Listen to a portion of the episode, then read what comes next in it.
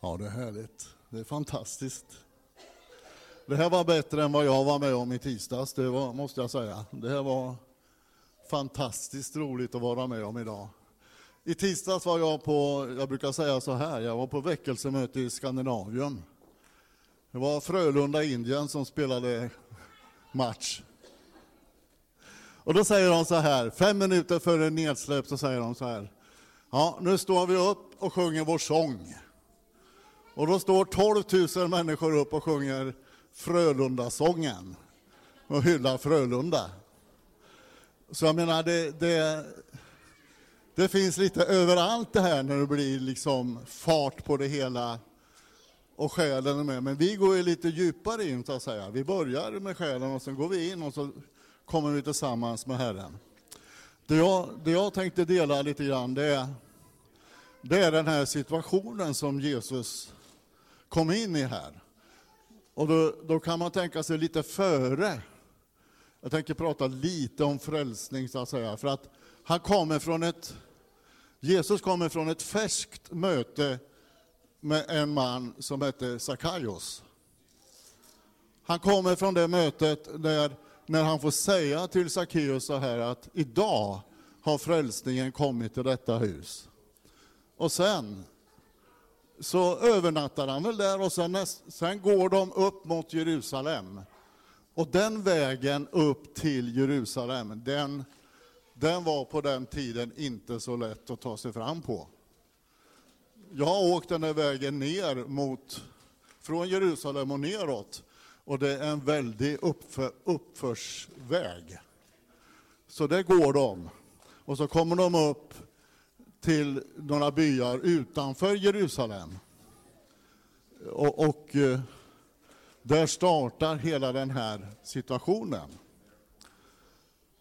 När Jesus, och jag, det är intressant att veta, tror jag att Jesus ville uppfylla allt som var skrivet innan den här stora högtiden skulle komma. Och därför så skickar han iväg lärjungar in Två stycken, det står inte vilka de är. Det står inte, det står inte skrivet ifall det är en, två av de tolv. Det står två lärjungar. Och det är också intressant. Och, och, men de får uppdrag att gå in och hämta den här åsnan och åsnefölet här. Och gör det. Och varför gör de det? Jo, därför att profeten Sakarja hade skrivit om det här i Sakarja, det nionde kapitlet och nionde versen. Exakt det de kommer att göra. Där det står beskrivet, se din konung kommer ridande, och så vidare, och så vidare. Och därför är det viktigt att få med det, att Jesus handlade profetiskt. Han visste vad han skulle göra. Han visste att det här skulle bli, det här skulle bli en enorm vecka som låg framför honom. Och han han får hjälp att sätta sig upp på den. Och då kommer det två grupperingar. En uppifrån Olivberget, från de byarna, lärjungaskara, stor skara. Sen kommer det en grupp nerifrån Jerusalem. Och de möts och de sjunger just de här verserna från psalm 118. Och det måste ha varit ett otroligt liv. Därför att där breder man ut sina mantlar, man lägger av kläder, man gör det för att här kommer Davids son, Messias, ridande. Alla kanske inte hade den kunskapen, uppenbarelsen om att det var det, men många hade det. Och en grupp som var där, en stor skara lärjungar, de satte igång att jubla och tacka och prisa Gud för alla de underverk de hade sett Jesus göra. Så det händer otroligt mycket på den här vägen ner. Det måste ha varit en otrolig rörelse ibland människor hela tiden. Hosianna betyder ju frälsning. Kom med frälsning, hjälp mig, kom hit. Och då hade man fått se det närmaste som man hade sett som han var där, det var Lazarus som hade blivit uppväckt från de döda. Och det var ganska nära intill den här dagen. Det var inte så långt så lång tid emellan det här. Och därför så kom det många som ville vara med och se det här. Det var fantastiskt. Och det, det, historien är otrolig på det sättet. Och vad händer då när de kommer ner till Jerusalem? Jo, Jesus går in och ser sig omkring på tempelplatsen och ser allt det där som håller på att hända där. Vet man, man sålde och grejer, man rånade folk. Det var, det var faktiskt kriminella som höll på där. Det var kriminella gäng som hade tagit den här platsen i besittning och rånade folk. Och så, det var ett elände. Men han vände tillbaka, för det var sent på kvällen, för att de stängde startportarna, porten. Så han gick tillbaka utanför Jerusalem, till Betania tror jag det var, hemma hos Lazarus och Maria. Och sen nästa morgon så går han ner. Och då börjar det vi kallar för stilla veckan. Varför vi kallar det för stilla veckan, det tror jag är viktigt att veta att vi gör det för att vi ska stilla ner oss och meditera, läsa skrifterna som Jesus gör den här veckan. Vad gör Jesus då den här stilla veckan på vägen fram till korset? Jo, han förbannade ett fikonträd. Det var en häftig grej. Aldrig mer ska någon frukt tas från dig. Och så kommer han dagen därpå och så ser lärjungarna att ja, det, det, ha, det hade ju bara torkat. Det skulle inte bli någon mer frukt. Vad gör han mer? Jo, han predikar, han undervisar, han botar sjuka. Han är i full gång hela den veckan. Och han avslutar på torsdagskvällen med att undervisa. Han äter ju den traditionella judiska sedemåltiden och så har de kvällen på torsdagskvällen där han undervisar. Vad undervisar han om då? Han undervisar om att tvätta varandras fötter. Ett nytt bud ger jag er, älska varandra. Han talar om att bära frukt, att vinträdet, när de börjar gå så ska vinträdet, ni är grenarna, allt det där vet ni. Och sen undervisar han också om det kanske en av höjdpunkterna, om en annan hjälpare, den helige Ande. Det gör han på torsdagskvällen. Han undervisar om, han har den överste prästliga förbönen om enhet. Han gör en otrolig spurt för att Kristi kropp, församlingen, ska utvecklas och göra det han vill den ska göra. Sen går han ut med lärjungarna, några stycken, ut i ett semade och då kommer det mörkaste mörka. Och där får inte Jesus uppleva något bönesvar. Har ni tänkt på det? Han får inte bönesvar, vad han har bett om.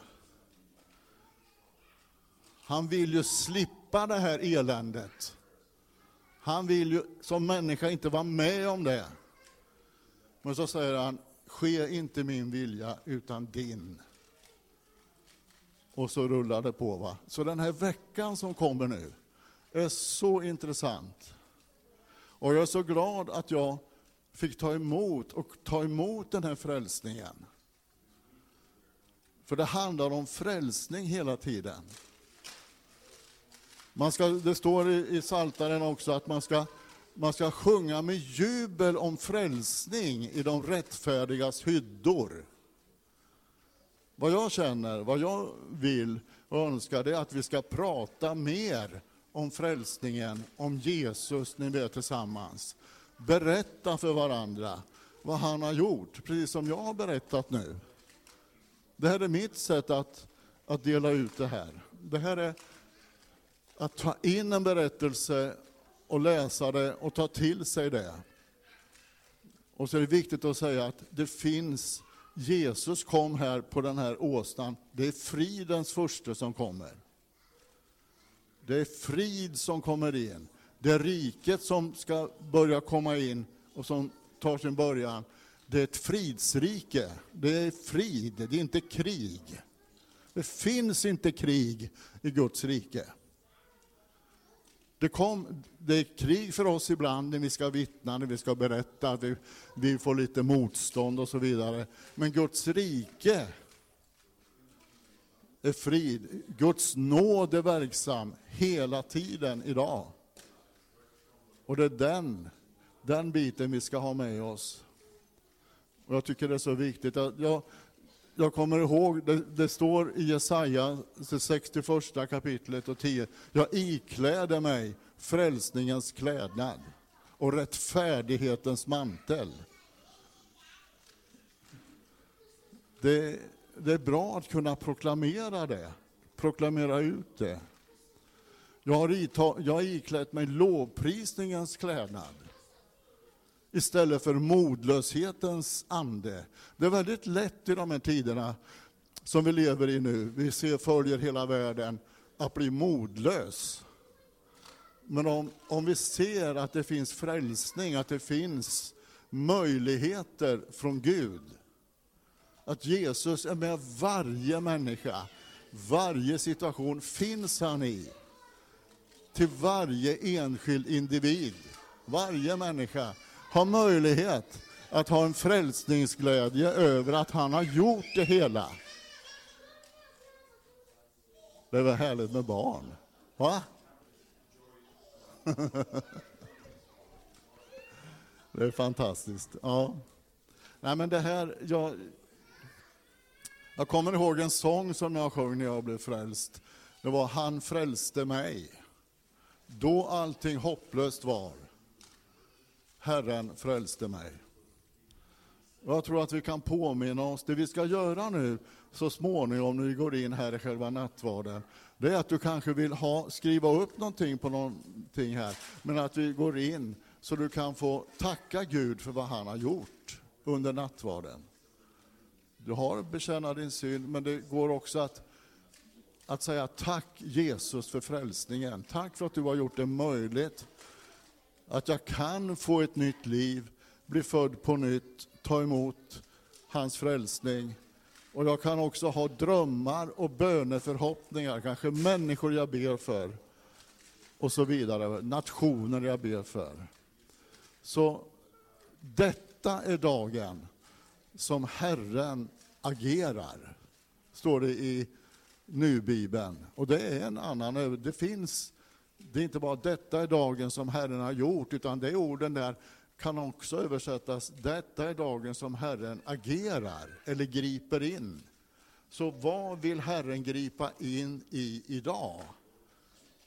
Hur agerar Herren? Han reagerar inte bara, han agerar med frid och välsignelse och frälsning. Så det är vad jag vill förmedla, Emanuel. Vad säger du? Det är väl bra? Men ta den här veckan som kommer nu och titta i kärnbibeln och andra biblar. Vad gjorde Jesus? Vad höll han på med för någonting? Och en sak jag vill tillägga till här, det han talade också, Matteus 24 ligger på den här veckan, när han talar om vad som ska hända. Och låt oss läsa det och hålla oss till det och inte hålla oss till några konspirationsteorier och ligga före den planen. Utan det som står där, det kommer att bli så. Men där har du hela, hela scenariot.